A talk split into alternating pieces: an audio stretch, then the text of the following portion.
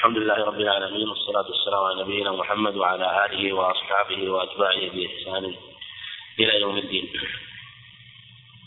يقول المصنف رحمه الله تعالى كتاب الصلاة. الصلاة كما نعلم ركن من أركان الإسلام وهذا أمر متقرر وثابت في الأخبار في كتاب العزيز وفي السنة ومحل إجماع من العلم والصلاة معناها في اللغة الدعاء. وفي الشرع هذه الصلاة المخصوصة بركوعها وسجودها. والشارع جاء بلفظ الصلاة. وكما يعلم هذه الألفاظ الصلاة الزكاة الحج لها معاني في اللغة وجاءت الشريعة بها. فهل معناها الذي جاءت به الشريعة هو نفس المعنى الذي في اللغة أم أنه نقلها؟ بعض العلم يقول إن الشارع نقل هذه المعاني وغيرها. منهم من يقول لا إنه أبقاها وقررها. والأظهر والله أعلم أنه لم يغيرها ولم ينقلها إنما قيدها قيدها. وعلى هذا الصلاة معناها الدعاء. لكنها في الشرع قيدت ليس دعاء مطلقا بل هو دعاء خاص في موضع خاص في الصلاة في الركوع والسجود مع اشتراط شروط أخرى تتعلق بوجوب واجبات مثل وجوب القراءة وغيرها من الواجبات فهو زاد فيها وقيدها زاد فيها ولم يغيرها. ولهذا ربما أتت الصلاة في بعض ألفاظ الشريعة بمعنى الدعاء. وإن كان الأصل أنه إذا جاء لفظ الصلاة والوضوء والحج المراد به؟ المراد موضوعه الشرعي. المراد به موضوعه الشرعي. فالوضوء كذلك. وإن كان معناه غسل اليدين أو غسل الفم واليدين فإذا جاء في الشريعة فالمراد به الوضوء في الأعضاء المخصوصة. وهكذا الصلاة المراد الصلاة المخصوصة على الخلاف في أقل ركعة أو ركعتان. ولا يقال المعنى الدعاء إلا بدليل. ولهذا لما جاءت الأخبار الصحيحة أنه إذا دعا أحدكم أخاه فإن كان مفطرا فليطعم وإن كان صائما فليصلي. يعني يصلي مراد يصلي ماذا؟ يعني لا في الشريعة في الشرع معنى الصلاة؟ اللي الصلاة ماذا؟ الصلاة معروفة. يعني فليصلي حق الصلاة ركعتين. هذا هو المعنى. فليصلي يعني فليصلي ركعتين. هذا هو المعنى. لكن جاء برواية أخرى عند أبي داود فليدعو فعلمنا أن معنى الصلاة هنا قد تكون بمعنى الدعاء لا تكون بمعنى الدعاء وأنه لا بأس لأن بدلالة النص الآخر. فعلى هذا نقول نبقى على معناه إلا أن يأتي دليل يفسر. وهكذا أيضا الحج معناه القصد. الزكاة إنما هو الطهارة لكنها في الشرع في هذه الأشياء المخصوصة. وأعظم ما يجب للصلاة الوقت الوقت هو سببها. والمواقيت جمع وقت. والمواقيت هنا المراد بها المواقيت الزمانية للصلاة. المواقيت فالصلاة لها مواقيت زمانية. أما مكانها فحيثما أدركت أدركتك الصلاة فعندك مسجدك وطهورك أو طهورك. يعني يصلي حيثما أدركته الصلاة. الحج لا. له له ميقاتان. ميقات مكاني وميقات زماني. فله ميقات مكاني وهي المواقيت المعروفة المواقيت المكانية التي لا تتجاوز إلا بإحرام لمن أراد الحج. وميقات زماني في أشهر الحج. وكذلك آه، مواقيت مكانية تتعلق بأداء الحج بالمناسك في مواضعه في في المزدلفة في منى والمزدلفة وعرفات. وكذلك الطواف في البيت والسعي بين الصفا. والمروة ورمي الجمار. المواقيت جمع ميقات. والصلاة من رحمة الله سبحانه وتعالى أن جعل لها أولا وآخرا. أول معنى لا يجوز الصلاة قبله وآخر لا يجوز تأخير الصلاة بعده. كما في حديث هريرة عند الترمذي بإسناد جيد إن للصلاة أولا وآخرا. إن للصلاة أولا وآخرا. والمصنف رحمه الله بدأ بالمواقيت كما تقدم لأنها هي السبب هي السبب سبب الوجوب. الميقات هو وقت الصلاة هو سبب وجوبها. إن الصلاة كانت على المؤمنين كتابا موقوتا. أقم الصلاة لدلوك الشمس إلى غسق الليل وقرآن الفجر. ذكر هذه المواقيت. والعلماء مختلفون في البداء هل يبتدأ بوقت الظهر عند ذكر المواقيت أو وقت الفجر؟ منهم من بدأ بوقت الظهر.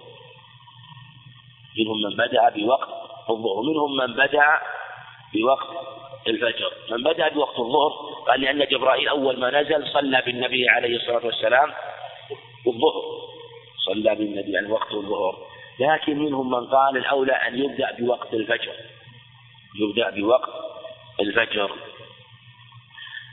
يعني وقت الفجر ثم الظهر ثم بعد ذلك العصر والمغرب والعشاء المغرب والعشاء وقت الظهر.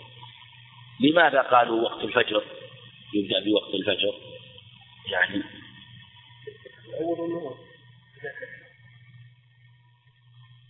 بداية النهار.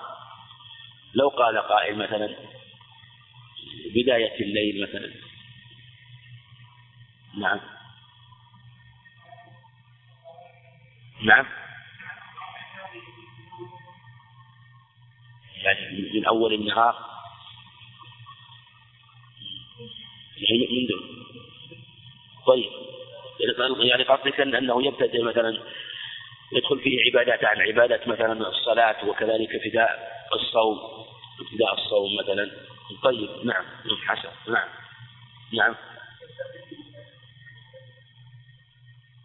هذا ليس طيب هذا قد يشاركه أيضا وقت العصر يشاركه وقت العصر. وقت الفجر نهاري ولا ليلي؟ الفجر الفجر بعد طلوع الصبح يعني ها؟ هو نهاري نعم. والظهر كذلك نهاري. والمغرب والعشاء ليلي. والعصر ها؟ بينهما العصر بينهما. نعم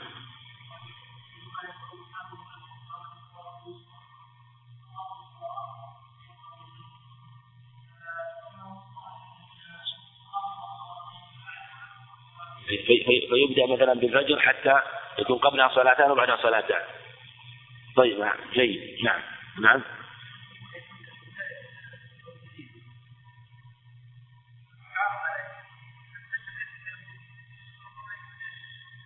يعني بداية عمل يعني بداية عمل. بس بس نريد شيء حكمة تتعلق بالصلوات نفسها.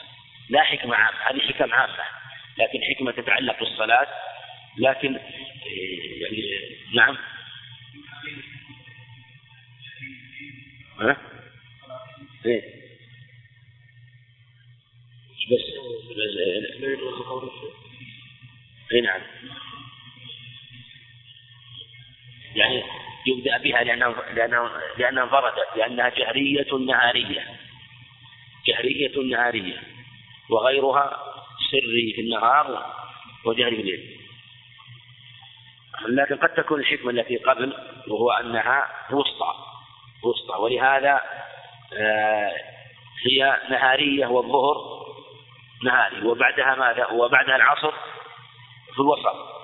يعني أو وسطى وسطى. والمغرب والعشاء ليلي ليلي فهذا هذا اختار بعض العلم تقي الدين؟ قالوا لو بدأ بالفجر لكان أحسن لكان أولى حتى تكون العصر متوسطة لأنها متوسطة بين هذه الصلوات لأنها هي الصلاة الوسطى هي الصلاة الوسطى ولأنه يسبقها صلاتان نهاريتان ويتبعها صلاتان ليليتان وهذا من جهة يعني يعني لا يترتب عليه حكم لا يترتب عليه حكم شرعي إلا من جهة آه أنها تتوسط صلاة الفجر في الترتيب كما تترتب آه، صلاة العصر في فضيلة وأنها أفضل الصلوات. فقال أول وقت الظهر الزوال. الزوال إيش معنى الزوال؟ هو ميل الشمس وميل الشمس وهو دلوكها من جهة المشرق إلى جهة الغروب إلى جهة المغرب. وهذا الوقت بالإجماع هذا الوقت بإجماع أهل العلم يدخل وقت الظهر. وهذا ثبت في الأخبار حديث عبد الله بن عمرو وحديث أبي هريرة حديث أبي موسى وحديث جابر بن عبد الله وحديث عبد الله بن عباس وحديث وحديث أبي موسى وبريدة وحديث جابر جابر وابن عباس هذا في إمامة جبريل عليه الصلاة والسلام وعند الترمذي والنسائي وحديث أبي موسى وبريدة عند مسلم حديث عبد الله بن عمرو حديث مفصل عظيم في صحيح مسلم. أول وقت الظهر إذا زالت الشمس. الحديث وحديث أبي هريرة رواه الترمذي وحديث جيد إن إن للصلاة أولا وآخرا وإن أول وقت صلاة الظهر إذا زالت الشمس. حديث بريد وحديث أبي موسى حينما علم النبي عليه الصلاة والسلام ذلك الرجل الذي جاء عن الأوقات فأخبره وصلى لدون زوال الشمس صلاة الظهر. وهذا محل إجماع في ابتداء وقت صلاة الظهر للنص والإجماع. وهو الزوال وهو الدلوك ومن صلى قبل الزوال فلا تصح صلاته آه، إذا آه، إذا صلى عمدا بلا خلاف. في مسألة آه، ذكر بعض العلم ما إذا اجتهد. وتبين أنه صلى قبل الزوال. تبين أنه صلى قبل الزوال. هذه ظاهر كلام أهل العلم ومنهم حكى الاتفاق أنه لا يصح. وبعضهم قال إنه اجتهد وصلى صحت يروى عن ابن عباس وقاله بعض السلف. قال وذكر ابن مفلح رحمه الله لكن الأظهر والله أعلم أنها لا تصح لأن الزواج هو وقت السبب وهو سبب الوجوب ولهذا يجب عليه أن يغلب على ظنه أو يستيقظ. أو يستيقظ. تارة وهو بالغالب أحيانا ربما لا يستطيع العلم. لا يستطيع العلم. ولهذا لا بأس من الأخذ بغلبة الظن. لا بأس من الأخذ بغلبة الظن. فنحن مثلا نبني على التقاويم. والتقاويم مبني على غلبة الظن. والمؤذن يؤذن فتصلي. وهو خبر يخبرك بها. بذلك وهو مبني على غلبة الظن. فيعمل به. فأول وقت الظهر هو زوال الشمس زوال الشمس. وآخره مصير ظل كل شيء إلى أن يصير يعني ظل كل شيء مثله. يعني كل شاخص يصير ظله يصير ظله مثله. الجدار يصير ظله مثله. الإنسان يصير ظله مثله. وهكذا الشجرة يصير ظلها مثلها. سوى في الزوال. سوى في الزوال. وقول سوى في الزوال احتراز لأن أحيانا ربما يكون الظل أطول من الشخص. ربما يكون الظل أطول من الشخص. فالإنسان مثلا في حينما تزول الشمس الشمس كما قال العلماء إذا طلعت الشمس من جهة المشرق لكل شاخص ظل. مثلا الشاخص اللي مقابل الجدار يعني جدار المسجد أو المسجد نفسه له ظل من جهة الغرب. كل ما ارتفعت الظل ماذا؟ ينقص ينقص كل ما ارتفعت ينقص ينقص ينقص لكن في كثير من البلاد هل يزول الظل بالكلية ولا يبقى ظل؟ نعم هل الظل يزول عند الزوال ولا يبقى ظل أحيانا؟ أحيانا يبقى ظل يعني الشمس في الغالب لا تكون رأسية تكون مثلا مائلة جهة الشمال جهة الجنوب فلا يزول الظل إلا كما يقولون في المناطق الاستوائية حينما تكون الشمس رأسية رأسية مثل الشيء اللي يكون أمام فوق رأسك فيعدم الظل أما إذا كانت الشمس مثلا مائلة لجهة الشمال أو جهة الجنوب فالسيف يكون له لا ينعدم الظل فكلما ارتفعت ينقص الظل ينقص الظل حتى تستوي إذا استوت الظل إيش يصير؟ يتوقف ولا ولا ينقص؟ يتوقف ثم بعد ذلك إذا مالت إلى جهة الغرب وش يصير؟ عرفت الله؟ يزيد يزيد ف... فهذا الظل الذي انتهت عليه هذا الظل الذي تنتهي عليه الشمس تنتهي عليه الشمس هذا ما يحسب فلو أنه كان ظل الشاخص مثلا له ظل ثم صار ينقص ينقص حتى وقف الظل. وقف الظل. وبقي فيه مقدار نحو الذراع. نحو الذراع. هذا لا يحسب لا يحسب. يقال سوى فيء الزوال فيء الزوال هو الظل الذي لا يزول. هو الظل, هو الظل الذي لا لا يزول عند استوائها في كبد السماء. عند استوائها في كبد السماء. فأنت حينما آه، حينما يستوي الشخص حينما يستوي الشخص الظل هذا بدل ما يكون إلى جهة المغرب ينعكس إلى جهة المشرق ثم يزيد. ينعكس إلى جهة المشرق ثم يزيد. فهو الظل هذا لا يزول. كان أول باقي ثم بعد ذلك ينعكس في الجهة الأخرى. فهذا هو الذي يسمونه فيء الزوال. وقت الظهر ينتهي إلى أن يصير ظل كل شيء مثله. وهذا هو الحد. في رواية آه، من حديث جابر عن ابن عباس أن النبي عليه الصلاة والسلام صلى العصر في وقت الظهر بالأمس. صلى العصر وقت الظهر بالأمس. هذه المسألة فيها خلاف بين العلم بعضهم قال إن وقت الظهر وقت العصر بينهما اشتراك. إن بينهما اشتراك. لأن يعني قال بالحديث صلى الظهر للعصر بالأمس. صلى العصر نعم بوقت الظهر بالأمس. يعني أنه آه كأنه رواية أنه اشتراك. يعني لو ابتدأ وقت أنه ابتدأها وقت الظهر ها مع صلاة العصر مع الوقت الذي صلاه يعني هو صلى الظهر في اليوم الأول في أول وقته واليوم الثاني في آخر وقتها فقالوا صلى الظهر في أول وقتها للعصر في آخر وقتها في اليوم الثاني. العصر في آخر وقتها في اليوم الثاني. فقال بعض العلماء إن بينهما اشتراك مقدار أربع ركعات. فآخر وقت الظهر هو أول وقت العصر. فأربع ركعات من آخر الظهر في أول وقت العصر. لكن الصحيح نقول إنه لا اشتراك بينهما لا اشتراك بينهما. لأن الأحاديث صريحة في أن وقت العصر ينتهي بانتهاء وقت الظهر. ولهذا قال النبي عليه الصلاة والسلام الأمر وقت العصر وقت الظهر ما لم يحضر وقت العصر. صريح. وحديث جابر محتمل. وإذا كان حديث عندنا صريح وحديث محتمل نأخذ الصريح ونرد إليه المحتمل وحديث جابر في قصة جبرائيل قوله صلى العصر لوقت العصر بالأمس نجم يجمع بينهم بمعنى أنه صلى العصر لانتهاء وقت الظهر. صلى العصر ماذا؟ لانتهاء وقت الظهر. نجمع بينهما. وهذا هو الأظهر وهو الذي جاء في أكثر الروايات. في أنه لا اشتراك بينهما. وهذا كما تقدم محل اتفاق من في أول الوقت لكن خلاف في آخر وقت الظهور. نعم. نعم. في الزوال يعني يمكن. يمكن لأنه مثلا كلما يعني حينما يتوقف النقص خلاص انتهى. يعني لو الشاخص ينقص ترتفع الشمس فينقص ينقص. ثم لما صارت عمودية ابتدأ بالزيادة. ليس كذلك؟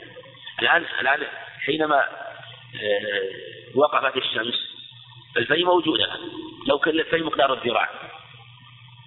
والشمس مالت إلى جهة المغرب. إذا مالت إلى جهة المغرب؟ الفي هذا وش يصير؟ يزداد. يقول من بداية الازدياد ينتهي وقت الظهر يدخل وقت العصر.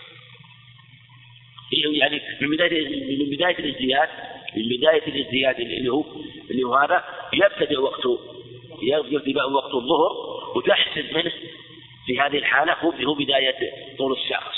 فالشاخص أحيانا قد يكون طوله ظله الحقيقي ظله الموجود أطول من يعني قوله مثلا الحديث قوله وصار ظل كل شيء مثله هذا بناء على بناء على أنه يعني في المناطق التي تكون ليس فيها في الزوال قد يكون بعض البلاد مثلا في مكة مثلا بناء على هذا أو ما هو قريب منها هي على هذا القدر. أما غيرها فلا فلا بد أن يحسب نعم. نعم. نعم. نعم.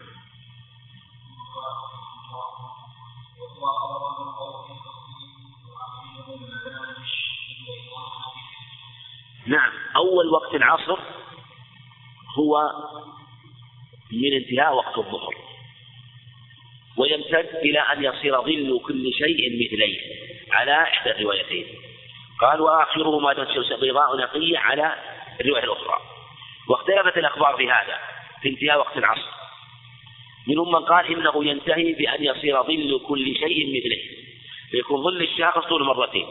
ظل الإنسان طول مرتين ظل الشجر طولها مرتين. وقال بعض العلم إنه يمتد إلى أن تصير الشمس بيضاء ما دامت الشمس بيضاء نقية فالعصر وقته لا زال لم يخرج وهذا أظهر لأنه ثبت في الأخبار من حديث بريدة أنه عليه الصلاة والسلام والشمس بيضاء نقية. حديث أبي موسى والشمس مرتفعة. في حديث عبد الله بن عمرو ووقت العصر ما لم تصفر الشمس. هذا أصرح ولهذا نقول الصحيح أن وقت العصر يمتد ما دامت الشمس بيضاء نقية ما لم يخالطها صفرة. قد يقول قائل طيب حديث جابر وابن عباس في قوله إلى مصير ظل كل شيء مثليه. مصير ظل كل شيء مثليه. صلى له صلى له على هذا الحد. نقول مثل ما مثل ما سبق الجواب في الحديث في وقت الظهر الحديث جابر وابن عباس متقدم في مكة. متقدم. حديث بريدة وأبي موسى متأخر في المدينة. والمتقدم أولى بالحكم من المتأخر أولى بالحكم من من المتقدم. فهو يقضي يعني إما أن يكون ناسخ آه، يعني على أحد الوجهين الثاني أن أحاديث التي صرحت بأن وقت العصر يمتد إلى أن تكون الشمس. بيضاء ما تصفر الشمس أصح وأثبت. أصح وأثبت. من حديث جابر ومن حديث ابن عباس. الأمر الثالث أيضا أن الأحاديث جاءت بالتحديد بالشمس مو بالظل. في حديث عبد الله بن عمر ما لم تصفر الشمس ما لم تغيب الشمس. كلها بالشمس. ولم يأتي تقييدها بالظل ولم تقييدها بالظل. ولهذا كانت أولى. ومنهم من قال إن وقت العصر لثلاثة أوقات وقت اختيار إلى مصير ظل كل شيء مثله ووقت جواز من مصير ظل كل شيء مثله إلى أن تصفر الشمس. ووقت ضرورة من اصفرارها إلى مغيبها. والأظهر أنها أن لها وقتين وقت اختيار وقت ضرورة. وقت الاختيار يمتد من مصير ظل كل شيء مثله إلى اصفرارها لأن مصير لأنه إلى أن يصير ظل كل شيء مثليه في الحقيقة لا زالت الشمس في حدتها وقوتها. ويمتد تمتد حرارتها وقوتها حتى تصفر. فإذا قلنا إلى أن تكون بيضاء نقية ما لم تصفر أوسع من قولنا إلى مصير ظل كل شيء مثله أوسع. وعلى هذا يكون لها وقتين. وهذا هو وقت الاختيار لكن ما بعد الاصفرار وش يصير الوقت هذا؟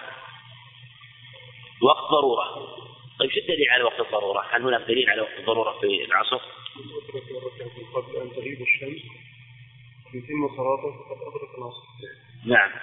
طيب نعم من أدرك ركعة العصر قبل أن تغيب الشمس فقد نعم. فقد أدرك العصر. فقد أدرك طيب هذا قبل مغيب الشمس لكن آه، كذلك أيضا قبل ذلك نعم.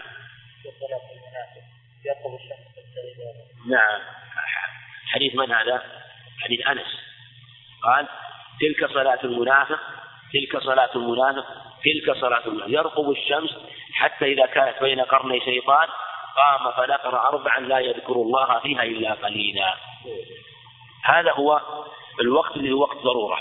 وقت الضرورة كما سيأتي في حق المعذور. في حق المعذور آه، حينما يستيقظ النائم أو يتذكر الناس أو ما أشبه ذلك. نعم. ويمتد وقتها هذا إلى مغيب الشمس وقت الضرورة. يمتد وقتها إلى مغيب الشمس. وما دامت الشمس لم تغب ولو لم يبقى إلا رأس القرص وقت الضرورة موجود حتى يسقط تماما تماما. نعم.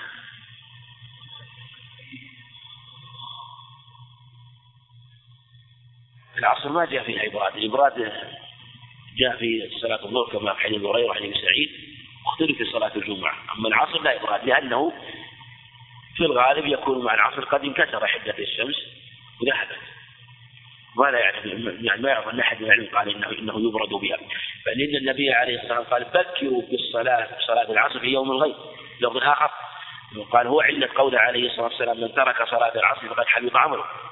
ولفظ من فاتته صلاة العصر كأنما وتر أهله وماله. كان يبادر بها عليه الصلاة والسلام ويأمر بالتبكير آه، بوقتها. نعم.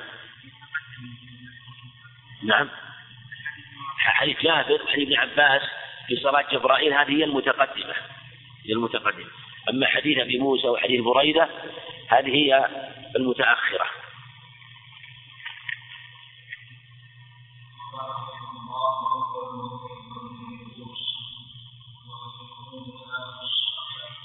نعم. أول وقت المغرب غروب الشمس. هذا محل إجماع. لأنه ثبت عن عبد الله بن عمرو رضي الله عنهما أنه عليه الصلاة والسلام قال ووقت المغرب ما لم يسقط فور الشفق. يعني ثور الشفق. فوروه فورانه وثورانه. وقت المغرب ذكر بعد عبد الله بن عمرو آخرة. ذكر في حديث وقت المغرب ما لم يسقط فوره وذكر في حديث في العصر ما لم تصفر الشمس في حديث آه، أبي هريرة الصحيحين من أدرك ركعة من العصر قبل أن تغرب الشمس. دل على أن وقت المغرب بغروبها يدخل. في الصحيحين اي سلمة بن الاكوع أنه عليه الصلاة والسلام كان يصلي المغرب إذا توارت بالحجاب. إذا توارت بالحجاب. في الآخر إذا غربت الشمس. وغروبها هو ذهاب جميع القرص ويسن المبادرة إليها في أول وقتها ولا ينتظر حتى يذهب مثلا الشعاع أو الحمرة التي في الأفق لا بل يسن المبادرة إليها. ثبت في الصحيحين في إجراء بن خديج رضي الله عنه أنه عليه الصلاة والسلام كان يفكر بها. وقال رافع رضي الله عنه إنهم كان كنا إذا صلينا مع النبي عليه الصلاة والسلام يخرجن كرامة يرمون بالسهام يعني يخرجون من عبادة الصلاة إلى عبادة التدرب على الجهاد رضي الله عنه. قال فكان أحدنا يرى موقع نبله يعني إذا كان بعد الخروج من الصلاة ورمى وكانوا رضي الله عنهم يعني عندهم قوة في الرمي فالرامي يرمي بعيد ومع ذلك يرى موقع النبل وش هذا دليل عليه؟ نعم تذكير أن الضوء لا زال قوي حتى يرى موقع النبل مع أنه يعني صغير وليس بسميك يعني ومع مع قوة الساعد وشدة الرمي يرى موقعه. فأشار رضي الله عنه بذلك إلى التذكير بها. في حديث عقبة بن عامر رضي الله عنه عند أبي داود أنه عليه الصلاة والسلام قال لا تزال أمتي بخير ما لم يؤخروا المغرب حتى تشتبك النجوم. رضي لا تزال أمتي على الفطرة ما لم يؤخروا المغرب حتى تشتبك النجوم. بين أن هذا أن قوله بلفظ الله على الفطرة.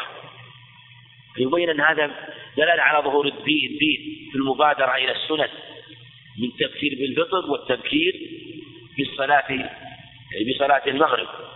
وكان عليه الصلاة والسلام إذا صلى إذا أذن المغرب لا ينتظر إلا مقدار ما يصلى. السنة التي بين الأذان والإقامة وكانوا يصلون بينهما. وكان والرواة ذكروا أنه كان أنهم كانوا يصلون للإشارة إلى أنه مع المبادرة والتذكير بها شرع يبكر ويبادر بها لكن مع ذلك ما كان عليه الصلاة والسلام يبادر بها أو يبكر بالتبكير الذي يفوت بهذه آه، الصلاة النافلة بين بين الأذان والإقامة. جاءت عامة في قوله صلوا قبل المغرب صلوا قبل المغرب صلوا قبل المغرب. قال في الثالثة لمن شاء؟ حديث أنس أن الداخل كان إذا دخل المسجد يظن أن الصلاة قد صليت لكثرة من يصليها وكانوا يبتدرون السواري رضي الله عنهم فهذا أول وقت المغرب هو غروب الشمس. أما آخره فهو ذهاب الشفق الأحمر غروب الشفق الأحمر. وقيل الشفق الأبيض والصواب ما ذكر المصنف رحمه الله. لما ثبت لما في صحيح مسلم ما لم يسقط ثور الشفق. هذا جاء في عدة أخبار عنه عليه الصلاة والسلام. والشفق الحمرة كما روى الدار قطن عن ابن عمر موقوفا ومرفوعا ونصح أنه موقوف. الشفق الحمرة. وقال بعضهم إن الشفق في البلد البياض وخارج البلد الحمرة. فرقوا بين البلد داخل البلد البلد. لماذا؟ فرقوا بينهما هذا إحدى الروايتين عن أحمد رحمه الله. قال إن كان داخل البلد فالشفق هو البياض وإن كان خارج البلد فالشفق هو الحمرة. نعم. وكذلك المباني نعم. المباني تحجز يعني هذا فعل اجتهد العلم يجتهدون يجتهد لكن يعني يعني الظاهر من الأدلة هو عدم التفريق والصواب أنه الحمره الصواب لأن في الغالب الحمره لا تخفى. الحمره ثم الحمره لا يلزم منها أن يبصرها كل إنسان. لا. فلو أبصرها مثلا يعني أحد من الناس فأخبر الناس بخروج الوقت ودخول وقت العشاء من ممن يعني يرى ذلك من مؤذن ونحوه حصل المقصود. وروى أبو داود بسناد جيد من حديث النعمان بن بشير رضي الله عنه أنه عليه الصلاة والسلام قال كان يصلي العشاء بسقوط القمر ليلة ثالثة. بسقوط القمر ليلة ثالثة. وهذا يعني مقارب لذهاب الشفق الأحمر وفيه أنه عليه الصلاة والسلام كان ربما بادر بها وصلى بها في أول وقت. لكن يعني الشاهد من المسألة هو أن آخر وقت المغرب هو مغيب الشفق الأحمر. نعم.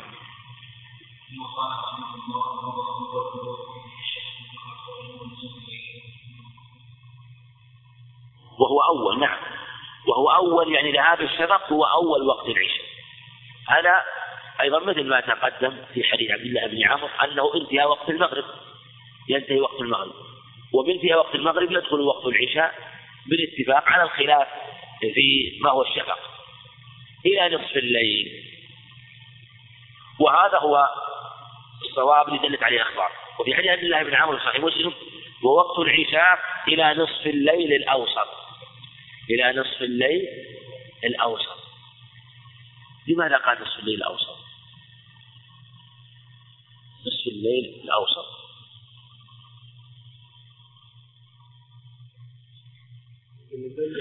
نصف الليل. إذا كان نصف, نصف الليل وهذا نصف الليل الأوسط نعم.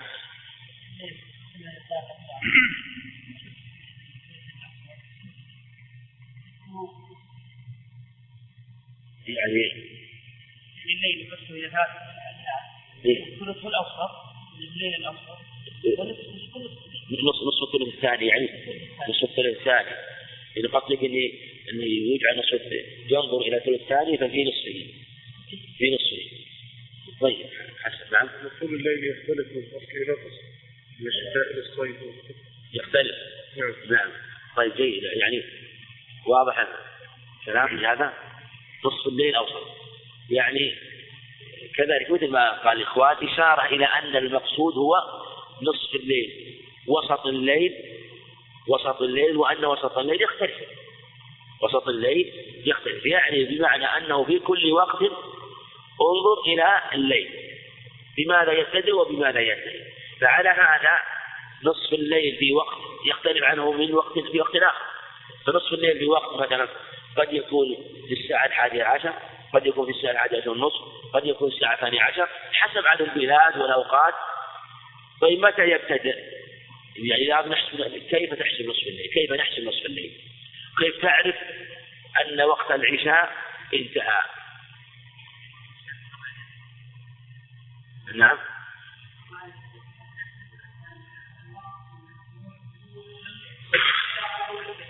طيب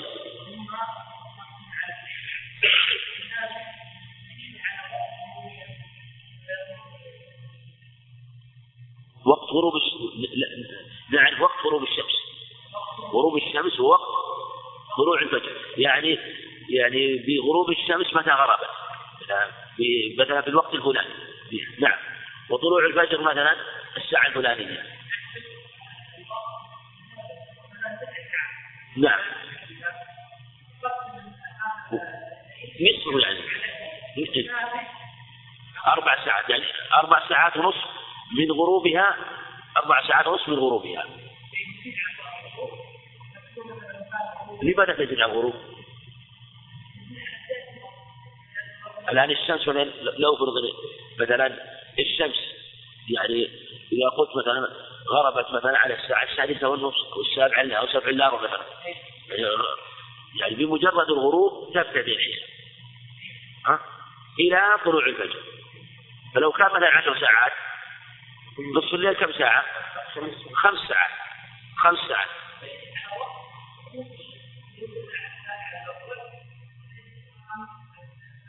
نعم. في قصدك نعم هذا حق طيب. إي نعم. اللي قصدك الحساب نعم هذا صحيح. إي نعم. فالمقصود تحسب خمس ساعات من بداية الغروب تضيفها إلى وقت الغروب. آه، بحسب طول الليل وقصره طول نعم. نعم. نعم. إيه. وقت الضرورة حتى تغرب الشمس. حتى ولو غاب بعض القرص وبقي من الشيء فلو غاب القرص مثلا وإنسان أدرك ركعة أثناء غروبها وركع ركعة أدرك. أدرك. نعم. يقول يبقى ما لم كل يسقط ما لم تغيب الشمس نعم. هذا والله أعلم. يعني المتوسط في كل وقت. المتوسط في كل وقت. نصف الليل الأوسط. يعني المتوسط في كل لأنه إيه، النصف الليل الأوسط يختلف. يعني ليس نصفا واحد فالنصف يختلف من الشتاء في الصيف ففي الشتاء يطول وفي الصيف يقصر فالمراد المتوسط في كل وقت. المتوسط في كل وقت. نعم. وعلى هذا يكون وقت العشاء. ينتهي بنصف الليل ينتهي بنصف الليل. وهذا هو وقت الاختيار. وما بعده وقت ضرورة وقت ضرورة. وبعض العلماء قال ليس ليس بعد نصف الليل وقت ضرورة بل ينتهي وليس ما بين العشاء ما بين نصف الليل إلى طلوع الفجر وقت. قالوا ما في وقت. على هذا على هذا القول. ما بعد نصف الليل طلوع الفجر. وش يكون؟ وش يشبه؟ لا إذا إذا إذا قلنا ما في ضرورة يشبه؟ يشبه ما بين نعم ما بين طلوع الشمس إلى زوالها وإن قلنا وقت ضرورة فيشبه وقت العصر من اصفرارها إلى غروب. وهذا هو الأظهر. وهذا هو الأقرب الله أعلم. ويدل عليه ما رواه مسلم حي قتادة أنه عليه الصلاة والسلام قال ليس التفريط في النوم إنما التفريط في اليقظة أن يؤخر الصلاة حتى يحضر وقت التي تليها. وهذا قال أدخلوا فيه وقت العشاء وقالوا الليل وقالوا إن الليل وقت واحد إن الليل وقت واحد. والنبي عليه الصلاة والسلام جعل صلاة الليل جعل الليل بكامل وقتا لصلاة الليل وجعله أيضا وقتا لصلاة الوتر وصلاة الوتر تابعة لصلاة العشاء. فلهذا إن كان ما بعد النصف تابعا تابعا لصلاة العشاء إلا ما استدني بالإجماع وهو من طلوع الشمس إلى زوالها فوقت العشاء آه، كما تقدم من مغيب الشفق إلى نصف الليل.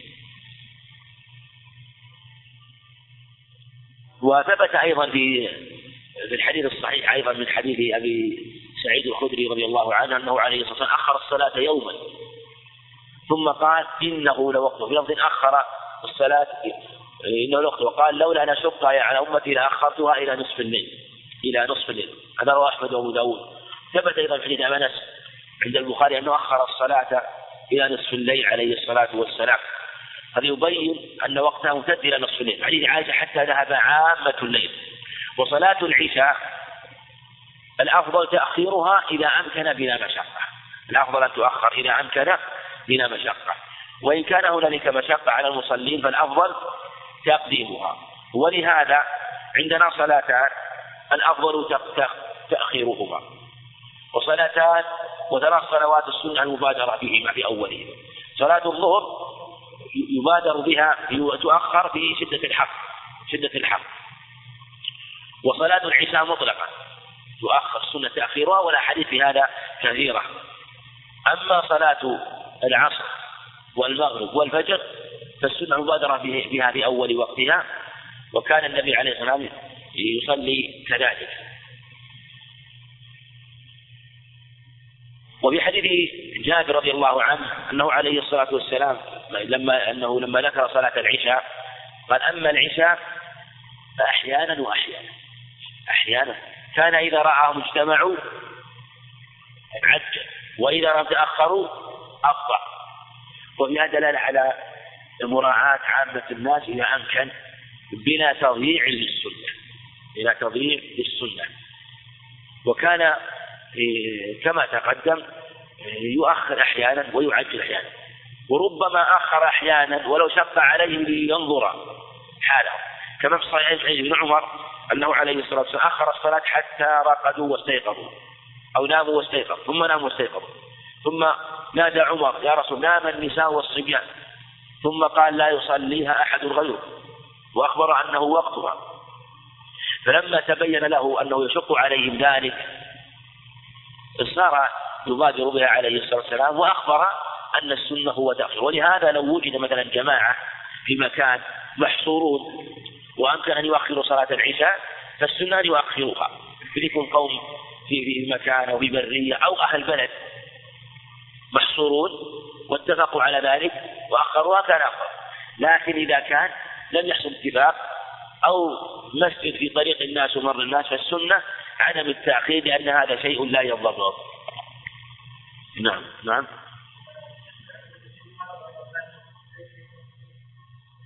بعد منتصف الليل ليس؟ نعم.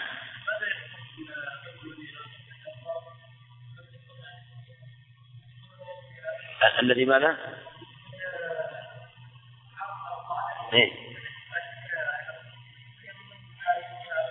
لا هو هو هو ينظر إن كان الذي تركها لعذر هذا هذا ليس خاصا بالعشاء بالعشاء وغيرها لكن إذا كان العذر معنى أن تركها عمدا هذا لا يجوز عمدا عالما هذا لا يجوز وإن كان وإن كان جهلا منه يصليها لكن يعني لو أنه تركها عبدا بعد نصف بعد نصف الليل ما أظن أحد من العلم أنه قال لا تصح منه بعد ذلك.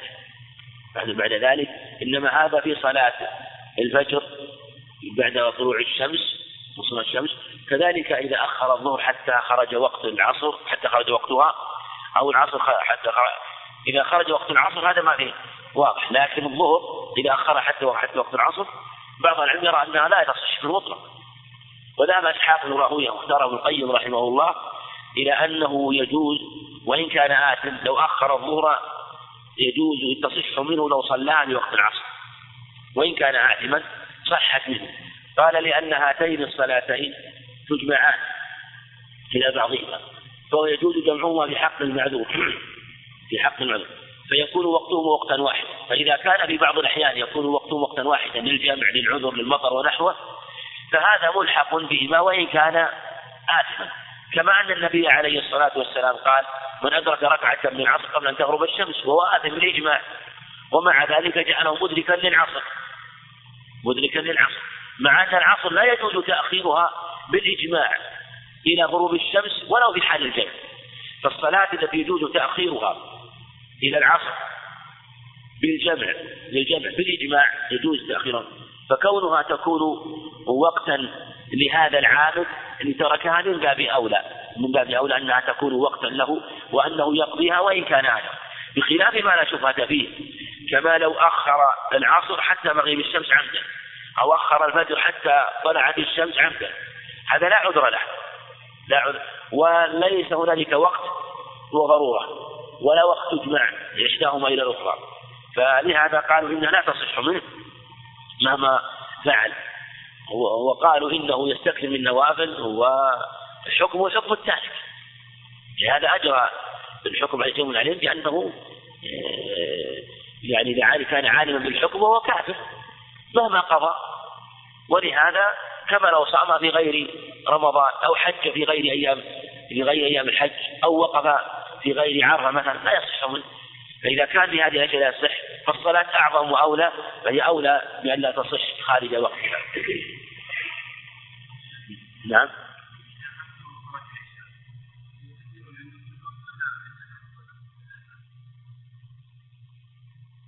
اللي ثبت في السنة اللي ثبت في السنة أن أن أن النداء يتبع الصلاة. النداء يتبع الصلاة. فإذا أريد تأخير الجمع فلا يؤذن إلا للعشاء.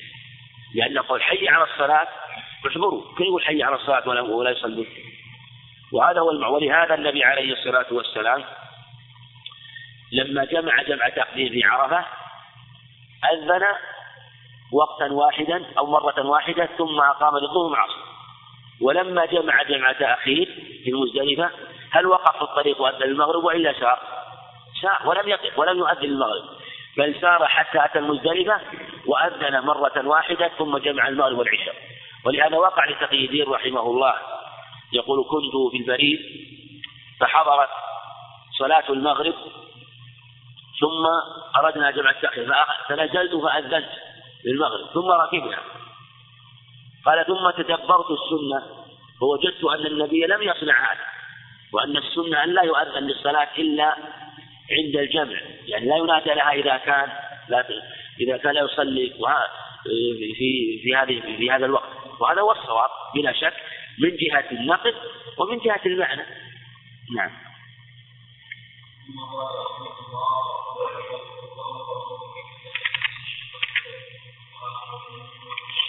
نعم. وأول وقت الفجر إذا انشق الفجر. وهذا محل إجماع أيضا بطلوع الفجر وثبت في الأخبار أنه بطلوع الفجر وهكذا صلى به جبرائيل عليه الصلاة والسلام. وكذلك آخره طلوع آخره طلوع الشمس. يعني بداية بروز الشمس. بداية بروز الشمس؟ أنه هو أول وآخر وقتها وآخر وقتها. قال بعض العلماء ووجه مذهب أحمد رحمه الله اختاره بعض علماء الحنابلة الله عليهم قالوا إن لها وقت ضرورة. ومنهم من قال وقت جواز. فقالوا وقت وقتها وقت الاختيار من طلوع الفجر إلى أن يبدأ الإسفار. ومن ظهور الإسفار جدا إلى طلوع الشمس هذا وقت جواز وقيل وقت ضرورة. لكن الصواب أنه وقت. موسع. لكن لا شك أنه لا يشرع تأخيرها بعد آه، ظهور إسفار جدا. ومن لازم على ذلك وداوم عليه فقد خالف السنة. فقد خالف السنة. والسنة كما تقدم بادر إليها في أول وقتها. وقد كان عليه الصلاة والسلام يبادر إليها في أول وقتها. وتقول عائشة إن النساء كن يصلين مع النبي عليه الصلاة والسلام ويخرجن متلفعات ببروطهن ما يعرفن من الغلس. وكان كما في حديث كما في الحديث أنه الرجل لا يعرف جليسه. يعني حينما يفرغ من صلاة الفجر يفرغ من صلاة الفجر. وهذا يدل على المبادرة إليها والتبكير إليها في أول وقتها؟ وفي حديث رافع بن خديج أسفروا بالفجر فإنه أعظم للأجر. هذا ألا يدل على مشروعية الإسفار. كيف يجمع بينه وبين الأخبار التي دلت على المبادرة إليها؟ وقال أسفروا. الإسفار يكون خروجا. الرأس الإسفار فيها يكون عند يعني عند الانتهاء منها. يعني يسفر من الصلاة. يعني يدخل فيها مبكرا ويخرج منها مسكرا الإسفار بالخروج منها يعني. نعم. نعم. قراءة يضيف القراءة. حتى يسفر يعني خروجا لا دخولا دخولا ولا خروجا؟ دخولا آه، خروجا لا دخولا. خروجا لا دخولا. طيب. هذا نعم هذا قول بعض العلم. نعم نعم نعم.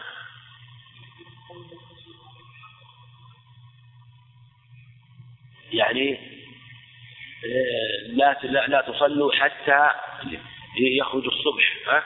يخرج الصبح وتتحققوا من خروج الصبح وهو وهو يعني الاسفار بها بمعنى خروج الصبح. نعم. تقولون؟ جيد؟ نعم. حسن؟ نعم. هذا جيد. جواب جيد. نعم. نعم.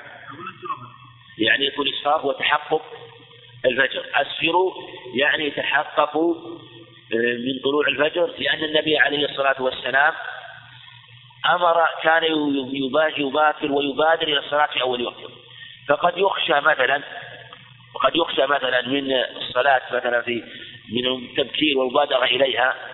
التبكير والمبادرة إليها. قد يبادر إنسان مثلا وحرصا على السنة ويصلي قبل دخول الوقت. فالنبي عليه الصلاة والسلام قال أسفروا.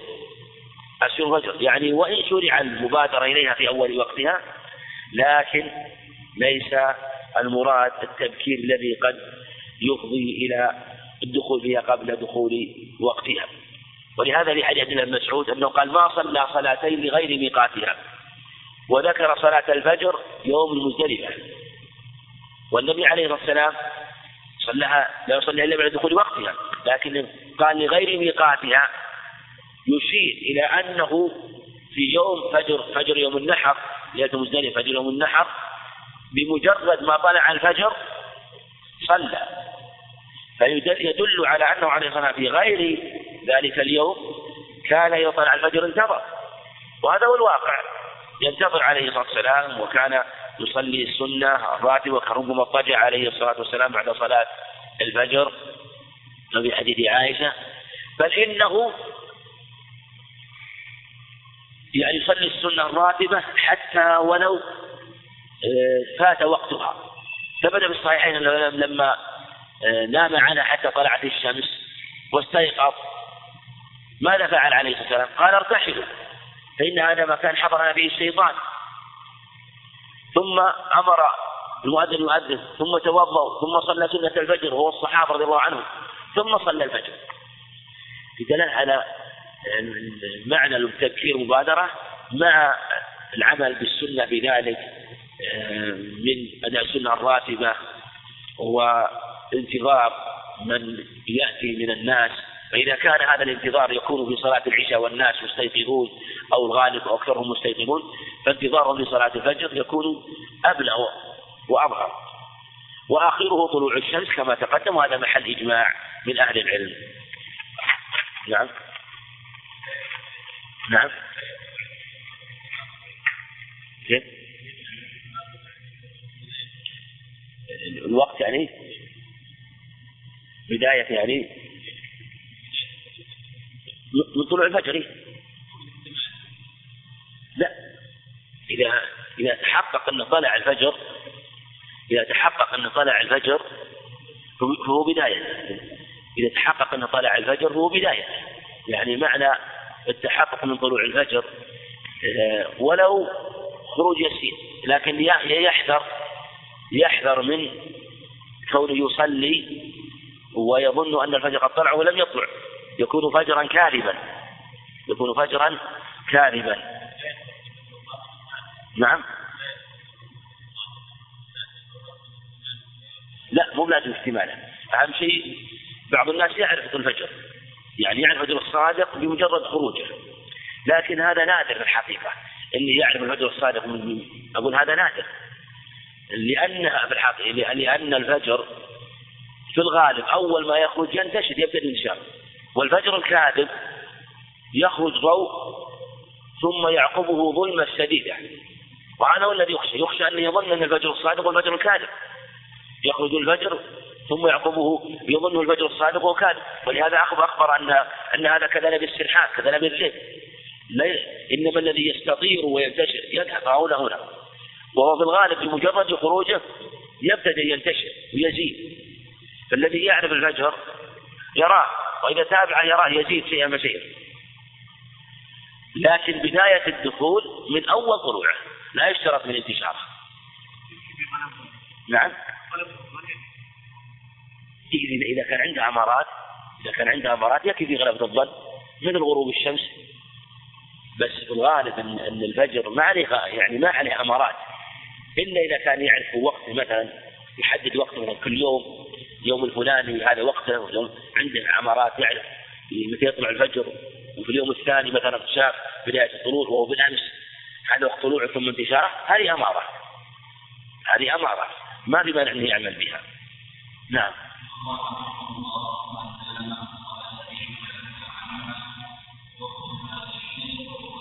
نعم. ومن نام عن صلاة أو سهى عنها فوقتها حين يذكرها.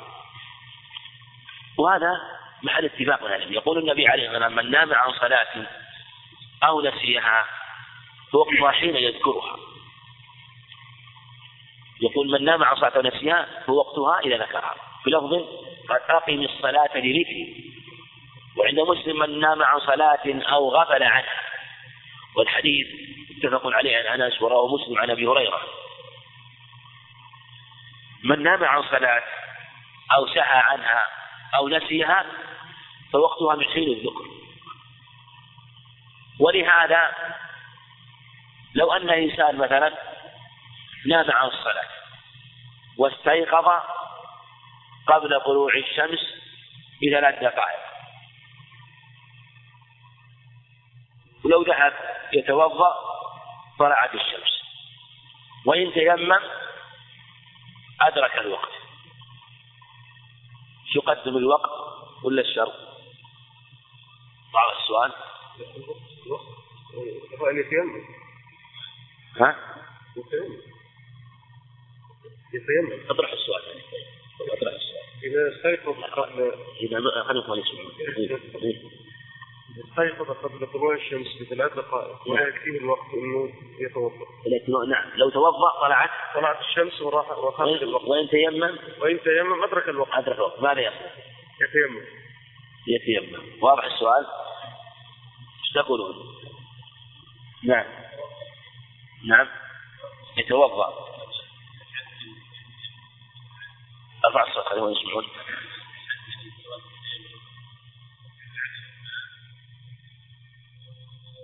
كل ما موجود.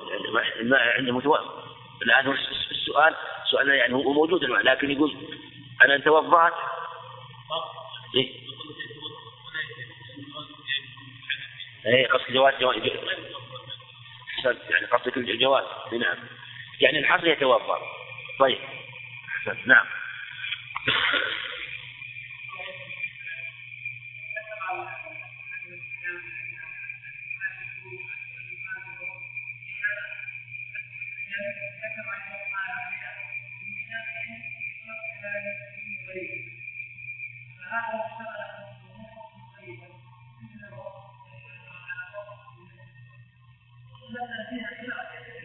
طيب هو, هو يقول أنا لا تعطيني أقوال علمني يسوي يقول أنا بصلي الحين تحكي لي الخلاف تطلع الشمس يقول الحين بنصلي الان عطني إيش أسوي الان أنا بصلي الحين يقول نجزني أتوضأ ولا تيمم؟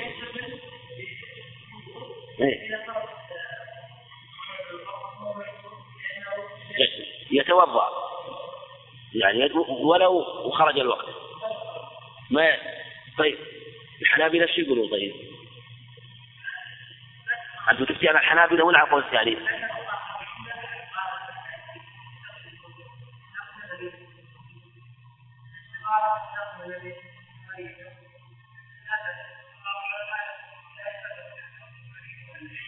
يعني مثل لو صار بي بيسوي له حبل وبي وبينزله في الجريب مثلا ها؟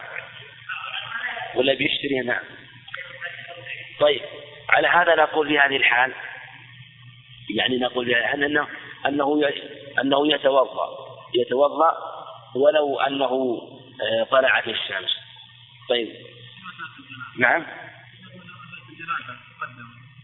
يعني جنازة لو إي نعم. يعني قلنا نعم.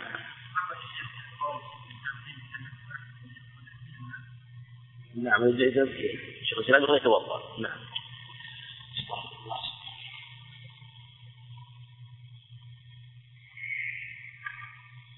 الله.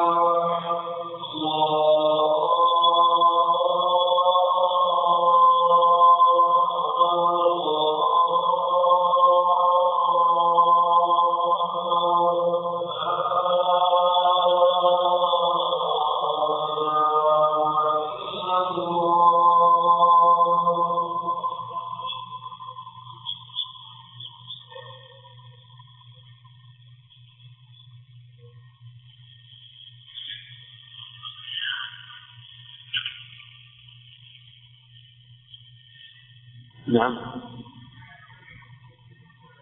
إيه؟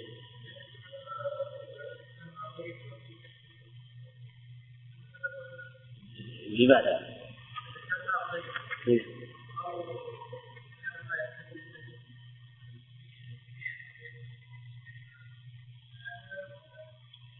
لا نقول إن كان يعني هم قولهم إلا لمشتغل بشرط هذا قول ضعيف طبعا يعني مثلا يشتغل بشرط يعني مثلا يبحث عن سترة ولا هو أنه يجوز له أن يجمعها يعني يقول يجمع يجوز أن يجمعها لمشتغل بشرط هذا قول ضعيف ولا يعني ولهذا نقول أما ما يتعلق مثلا بالبحث مثل آه مثل مثلا الإنسان يقول حضرت الصلاة ويريد أن يصلي في أول وقت ولا عنده ماء ولا عنده ماء. الصحيح نقول أنه إذا كان عادل الليل وليس واجدا للماء فإنه فإنه يبادر الصلاة في أول وقت ولو بالتيمم. إلا إذا علم أنه يجد الماء في الوقت. أما إذا كان أنه يقول ما عنده ماء يريد ينتظر ويتلوم إلى آخر الوقت نقول لا يشرع يشرع يصلي يبادر في أول وقت ولو بالتيمم ولا ينتظر. إلا إنسان يعلم أن الماء موجود. يقول مثلا بيأتي مثلا بعد ربع ساعة بعد نص ساعة وينتظر في وقت الاختيار. فلا بأس يصلي. فلا بأس أن ينتظر و يعني ويصلي ويتوضأ تكون صلاة الجنوب. أما إذا كان لا يدري أو يغلب على ظنه عدد حصوله فهذا يصلي. هذا يصلي. لأن لأنه غير واجد ولأنه مخاطب بالصلاة. بعضهم قال يتلوم ينتظر إلى آخر الوقت. نقول لا ينتظر ما إلا إذا كان آه، موجود أو يعلم أنه سوف يحضر مع مع العناية عدم تفويت وقت المختيار مثل العصر مثلا وترتب عليه أن لوقت الضرورة ما يجوز. بل يصلي بصلاة التيمم أفضل. وهكذا مثلا صلاة العشاء صلاته آه، بالتيمم أفضل من كون يأخرها بعد نصف الليل. نعم. فقوله منا مع صلاة أو ساعة فوقتها حين يذكرها مثل ما تقدم من الإخبار السابقة وأنه في الحقيقة من صلاها في وقتها. وسبق تقدم في حديث أبي قتادة رضي الله عنه أنه عليه الصلاة والسلام قال ليس التفريط في النوم إنما التفريط في اليقظة.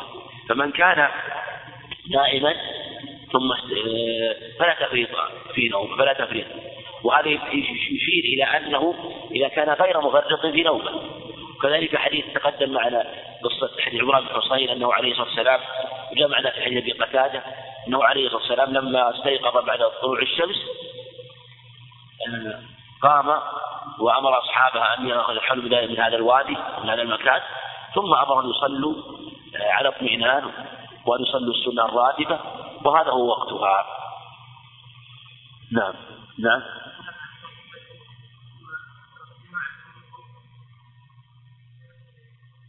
ما الصحيح إنه ما في مانع يصلي معهم يصلي معهم. لو أن الناس صلاة الفجر أو نام عنها ثم وجد ناسا جماعة يصلون يعني دخل المسجد ويصلون يدخل معهم بنية الفجر وإذا صلى ركعتين انتظر انتظر وجلس حتى ينهوا صلاته ويسلم معهم. وإن أراد أن يكمل صلاته ويسلم لا بأس بذلك هذا ثبت كله في صلاة الخوف. ثبت في صلاة الخوف. أن في إحدى فرقتين سلمت أتمت صلاتها. فالنبي ثبت قائما في الصفتين الصحيحين. لما صلى في صلاة الخوف ثبت قائما. جاءت الصفة في حديث خوات بن جبير وجاءت في حديث ابن سعد بن أبي حاتم وحديث ابن عمر. على خلاف الصفتين في إحداهما أنه صلى ركعة ثبت قائما فأتموا لأنفسهم. فأتموا لأنفسهم ثم جاءت الطائفة الثانية فصفت خلف صلى بهم الركعة الثانية. فأحرم بالطائفة الأولى عليه الصلاة والسلام وأتمت صلاتها وحدها وسلم. وثبت قائما عليه الصلاة والسلام. ولذلك يسن أن يطيل القراءة حتى يتموا صلاته ثم جاءت الطائفة الثانية فدخلت معه في الركعة الثانية وهي ركعة أولى لها.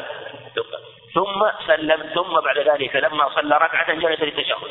فثبت جالس عليه الصلاة والسلام حتى فرغوا وقاموا وقضوا ركعة.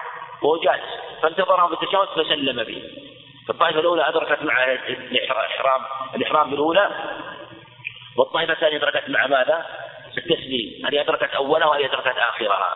وهذا حجة في هذه الصفات حينما يريد أن يعني يسلم قبل إمامه. مثل ما سلمت تلك الطائفة فأتمت صلاتها وسلمت وقامت للحاجة. وهذا مثل وهذا مثله. نعم. كيف ما رتب؟ لا الترتيب الترتيب اختلف هل يجب أو لا يجب؟ قال بعض العلم يسقط الترتيب إذا إذا حضر صلاة الظهر وما صلى الفجر. بعض العلم قال يسقط الترتيب يصلي الظهر ويصلي الفجر بعدها.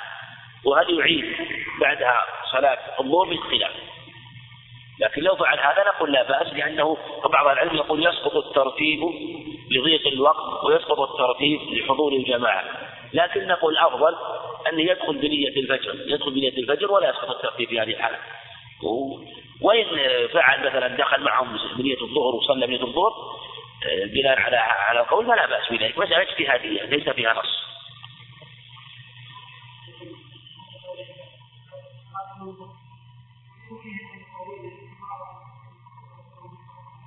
إي نعم.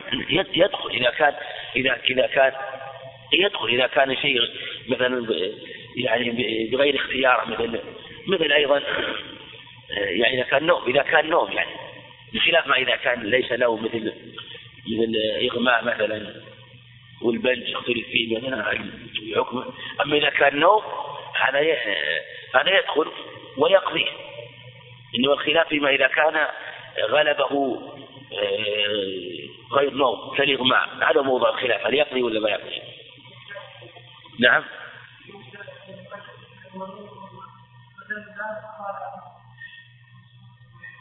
لا هذا ما هذا ما هذا ما هذا هذا لا يكون لا يغمى. أقول هذا لا لا يكون ما يكون نوم هذا. أقول إلا إذا كان أقول أقول هذا لا يكون إلا إغماء.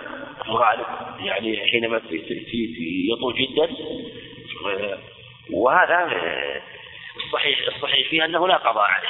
الصحيح فيه أنه لأن هذا في الغالب ينبه لا يتنبه لا يتنبه.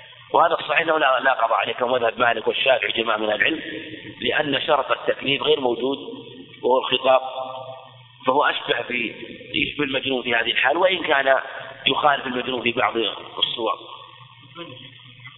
نعم. الله أعلم الله أعلم. من لحظ المعنى ادخله من لحظ المعنى أدخله. من لحظ المعنى أدخله. خاصة إذا كان موضع حاجة إذا كان موضع حاجة. ولهذا هو نوع من التداوي والعلاج. ليس أقول ليس عن تفريط أو تداوي وعلاج وغلبة لكن لو كان عن طريق العبث فهذا يشبه يشبه شارب الخمر لا يعذر. بلا خلاف. عن بعض العلم قال إنه آه، يأثم ولا يقضي. لكن حكى تقي بن الفتاوى البصرية أنه يقضي بلا خلاف رحمه الله. آه، في آه، هذا إذا كان يعني إذا كان غير معذور. أما إذا كان معذور مثل البنج فالأقرب الحاق بالمغني. لأنه يعني لا مندوحة بهذا ولا حيلة. لازم يتداوى بهذا مثلا.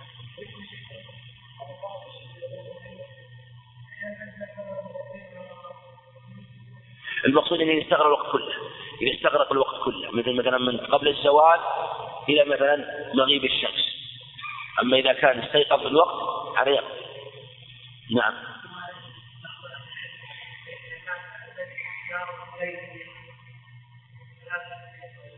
كيف؟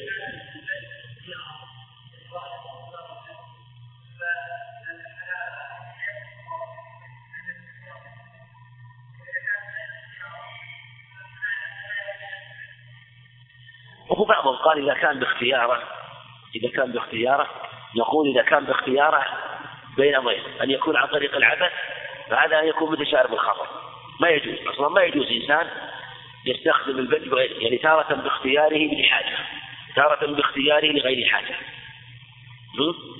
وتارة آه، بغير اختيار فإن كان باختياره بغير حاجة هذا حرام لا يجوز. وآثم لأنه تغييب العقل لا يجوز.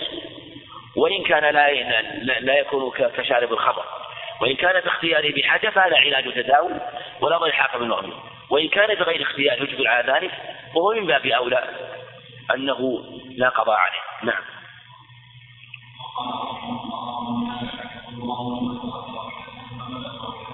نعم. مثل ما تقدم في حديث أبي هريرة وجاء من عائشة أن من أدرك ركعة من العصر قبل ان قبل أن تغرب الشمس فقد أدرك ومن أدرك ركعة من الفجر قبل أن تطلع الشمس فقد أدرك. معنى أنه يضيف إليها ما بقي وأدرك. وهذا يدخل فيه المعذور وغير المعذور. المعذور غير آثم وغير المعذور آثم فلو أن إنسان آه، مثلا غلبه النوم ولم يستيقظ إلا قبل غروب الشمس. نقول وأدرك ركعة قبل غروب الشمس يضيف إليها ما بقي من صلاة العصر ولا شيء عليه لأنه معذور. وإن كان غير معذور ترك عمدا فهو آثم. ويدخل في غير في المعذور أيضا لو أسلم الكافر أو بلغ الصبي أو طهرت الحائض والنفساء فهو في الحكم على أنه أدرك الوقت والصلاة. نعم. نعم. غير المعذور. إذا أدرك ركعة يقضي. يعني, يعني بس بشرط أن يدرك ركعة. هو لما أدرك ركعة أدرك الوقت. لكنه آثم بالتأخير وهو أدرك الوقت. بخلاف الذي هذا ما فوت الوقت الكلية إنما أخر حتى بقي ركعة. نقول أدرك وهو آثم بفعله. نعم. نعم التوقيت واجب هذا مثل ما تقدم وهذا فائدة التوقيت. ثبت التوقيت من فعله عليه الصلاة والسلام ومن فعل جبرائيل وصلاة النبي خلفه عليه الصلاة والسلام. وكذلك من قوله في حديث عبد الله بن عمرو عند مسلم حديث أبي هريرة عند الترمذي وهذا فائدة التوقيت. وإلا آه، لم يحصل آه، المقصود من بداية الصلاة وآخرها معنى أن لكل وقت أولا وآخرا كما في حديث هريرة. نعم. ويقول الله عز وجل إن الصلاة كانت على الكتاب موقوتا مؤقتا نعم. والجمع لعذر جائز.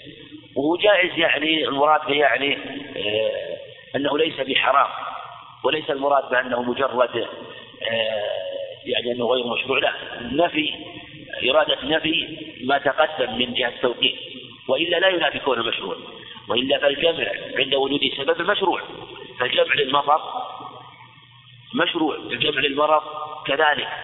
فأنواع الجمع التي جاءت وذكر العلماء على خلاف بينهم مشروع ودلت السنة على أنواع من الجمع منها الجمع للمطر كما ابن عباس جمع بين الظهر والعصر والمغرب والعشاء من غير خوف ولا سفر من غير خوف ولا مطر. ثم الجمع عند الحاجة والجمع يجمع المقيم ويجمع المسافر وليس خاصا آه، بالمقيم ولا بالمسافر بل الجامع للحاجة. وقد يجمع المنفرد وقد يجمع الجماعة والأدلة في هذا كثيرة. نعم.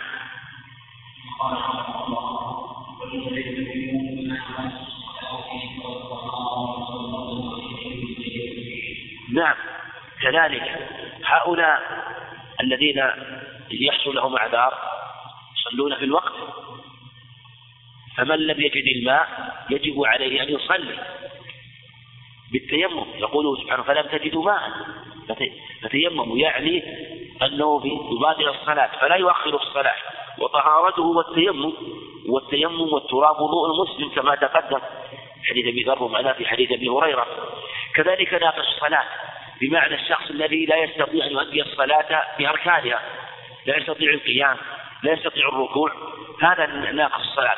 قال عليه الصلاة والسلام صل قائما فإن لم تستطع فقعد فإن لم تستطع فعلى جنب. لفظ الآخر عند النسائي مستلقيا. عليه يصلي فإذا حضرت الصلاة وهو لا يستطيع القيام لا يجوز أن يؤخر الصلاة إلا إذا كان يشق عليه يصلي الصلاة في وقتها يجوز له أن يجمعها مع ما تضم إليه. يجوز أن يؤخر الظهر إلى العصر جمع تأخير إذا كان أيسر أو يقدم العصر إلى الظهر جمع تقديم إذا كان أيسر أو المغرب مع العشاء جمع تقديم أو تأخير ينظر ما هو الأيسر له. لكن لا يجوز له أن يؤخر صلاة لا تجمع.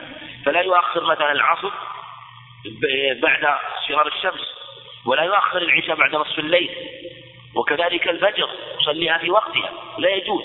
ولو حضرت صلاة من الصلوات وهو يشق عليه مثلا أن يصلي قائما يصلي قاعد يصلي ما استطاع قاعد يصلي مستلقي ما استطاع يصلي يعني يحرك ظهره يحرك رأسه يحرك رأسه. واختلف العلماء فيما إذا لم يستطع غير ذلك. إذا لم يستطع يحرك شيئا من أعضائه قال بعضهم يحرك عينيه. وكلها والصواب أنه إذا إذا لم يستطع أن يحرك رأسه لا يستطيع الصلاة في هذه الحال. لأن النبي عليه الصلاة والسلام لم يذكر شيئا بعد ذلك. وهذا قول لجمع من أهل العلم. وذلك أن الواجب هو فعل ما يؤدي ما تحصل به صورة الصلاة من الركوع أو السجود وما يقوم مقامه من تحريك الرأس. فالمقصود أن من نقصت صلاته بأنه لم يستطع القيام أو القعود يصلي على حاله كذلك مسألة الطهارة. إنسان ناقص الطهارة في بعض الأعضاء ما يستطيع أن يغسلها فيها لصوق فيها جروح عليه يتوضأ ويمسح الجرح ويصلي ما استطاع يتيمم. فمن نقص شيء من حصل نقص في هذه الأشياء فالصلاة في وقت مؤقت لا يجوز تأخيرها إنما يجوز الجمع يعني أن تجمع إلى غيرها عند الحاجة نعم.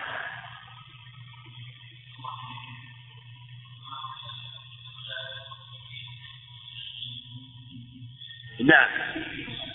نعم. هل يخير؟ نعم نعم. إذا كان على جنب إذا كان يستطيعون. يعني هو المراد صلي قائم تستطع قائم تستطع على جنب. يعني مع الإيمان. يومئ مثلا بظهره ورأسه إذا كان يستطيع. ما استطاع يومئ وهو على جنب يجلس على ظهره. مستلقي يجلس على ظهره رجلاه إلى جهة وجهه إلى جهة القبلة مع قدميه. فيومئ. وإن احتاج من يضع تحت ظهره شيء يقول يضع مثلا مخدة تحت ظهر حتى تعين على تحريك ظهره لا بأس بذلك. لكن ما يدني إلى رأس الشيء. لأن أنكر جابر بن عبد الله على ذلك المريض الذي دخل عليه يصلي فجعل يدني إلى رأسه عود فقال فأمره أن يصلي على سبحانه وقال أومئ ماء واجعل سجودك أخفض من ركوعك. نعم.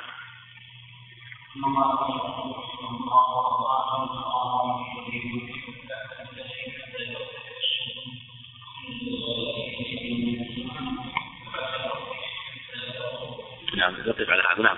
أوقات الكراهة. غير مكة. الصحيح أن وقت الكراهة عام. في مكة وغير مكة. لا فرق بين مكة وغيرها. ولا دليل على تخصيص مكة. أما استثناء مكة وغيرها كله ما يثبت. أوقات الكراهة في جميع الأوقات. لكن هنالك أحوال يجوز فيها أن يصلي لسبب. لسبب. مثل إذا كان في مكة وطاف بعد الفجر الكعبة وأراد أن يصلي لا بأس أن يصلي ركعتين ولو بعد الفجر. لأن النبي عليه الصلاة والسلام يقول في حديث جبير مطعم يا بني عبد مناف لا تمنعوا أحدا طاف بهذا البيت وصلى أية شاء من ليل أو نهار. كما رواه الخمسة. فعلى هذا نقول لا بأس أن يصلى بعد الفجر لسبب مثل ركعتي الطواف. أو دخل المسجد يصلي ركعتين. وعلى هذا يتحصل من كلام المصنف رحمه الله أن أوقات الكراهة بعد الفجر حتى ترتفع الشمس وعند الزوال في غير يوم الجمعة وبعد العصر حتى تغرب الشمس. وهذه هي الأوقات من جهة الإجمال. وبدي التفصيل بعد طلوع بعد الفجر بعد صلاة الفجر إلى أن تطلع الشمس ومن طلوعها إلى أن ترتفع. ووقت الزوال. وبعد العصر بعد صلاة العصر إلى أن تصفر ومن اصفرارها إلى أن تغيب الشمس. هذه أوقات الكراهة من جهة التفصيل. دلت عليها الأخبار ثابت الصحيحين عند أبي هريرة حديث أبي سعيد الخدري وكذلك من حديث ابن عمر ابن عمر إذا يعني بدأ حديث الشمس فأمسكوا الصلاة.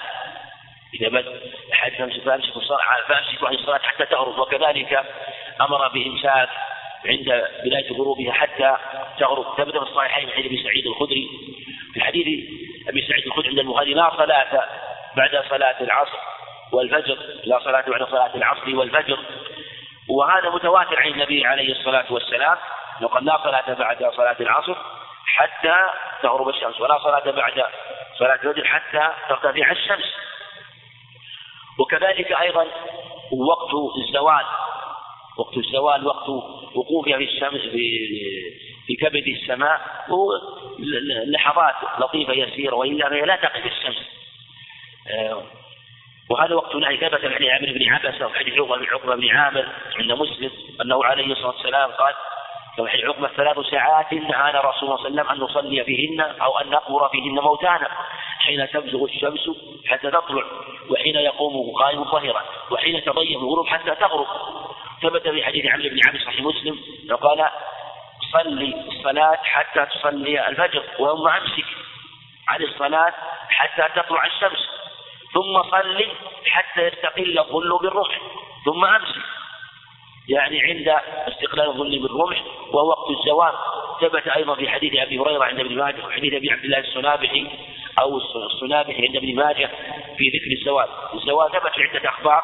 أربعة أخبار جاء عن النبي عليه الصلاة والسلام والجمهور على أنه وقت وبعض العلماء قالوا إن وقت الزوال ليس وقت نهي ومنهم من فرق بين يوم الجمعة وغير يوم الجمعة وهذا هو الصواب كما ذكر المصنف رحمه الله أن يوم الجمعة ليس في وقت نهي إن وقت النهي في جميع الأيام عند زوال الشمس إلا في يوم الجمعة. دليله أنه عليه الصلاة والسلام أمر من جاء إلى إلى إلى إلى الصلاة يوم الجمعة أن يصلي حتى يخرج الإمام قال صلى ما كتب الله له. غفر له ما بين الجمع والجمعتين وزيادة ثلاثة أيام. فالأمر بالصلاة يوم الجمعة إلى أن يخرج الإمام يدل على أنه ليس وقت نهي.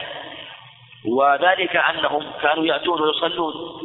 ولو كان الوقت وقت نهي لأمر المصلي أن ينظر وأن يخرج إن كان يمكن أن يعرف وقت زوال الشمس.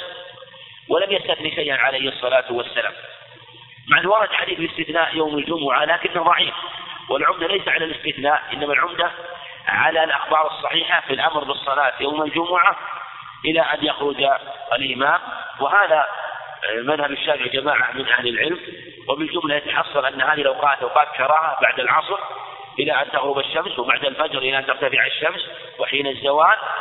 وهذه يحرم الصلاة فيها ولا يجوز. ثم النهي معلق بفعل الصلاة لا الوقت. فالإنسان حينما لو أن الإنسان فاتته وقت صلاة العصر فلا يدخل وقت النهي في حقه حتى يصلي العصر. فالنهي معلق بفعل الصلاة. هذا في صلاة العصر. صلاة الفجر اختلف العلماء. هل هو معلق بطلوع الفجر أو بصلاة الصواب أنه معلق بصلاة الفجر. ويدل عليه ما تقدم في حديث أبي سعيد الخدري لا صلاة بعد صلاة الفجر. هذا هو الأظهر والله أنه معلق بصلاة الفجر. وبعضهم قال إن من طلوع الفجر إلى صلاة الفجر وقت نهي إلا ركعتين. وجاء حديث لا صلاة بعد الفجر إلا سجدتين. وهذا هو السنة أنه لا يزيد عن ركعتين. إلا إنسان صلى في بيته ركعتين ثم جاء إلى المسجد فصلى ركعتين تحية فلا بأس بذلك. وعن هذا لو جمعت مثلا صلاة الظهر مع العصر جمع تقديم لمطر أو جمع إنسان آه، في لمرض في وقت النهي يحق متى يدخل؟ بعد صلاة الظهر مباشرة. يدخل بعد صلاة مباشرة. ولو كان الناس يصلون صلاة الظهر. يعني يدخل وقت النهي في حقه من بعد صلاة بعدما صلى العصر. في حال جمعه جمع تقديم. والله أعلم. وصلى الله وسلم وبارك على نبينا محمد.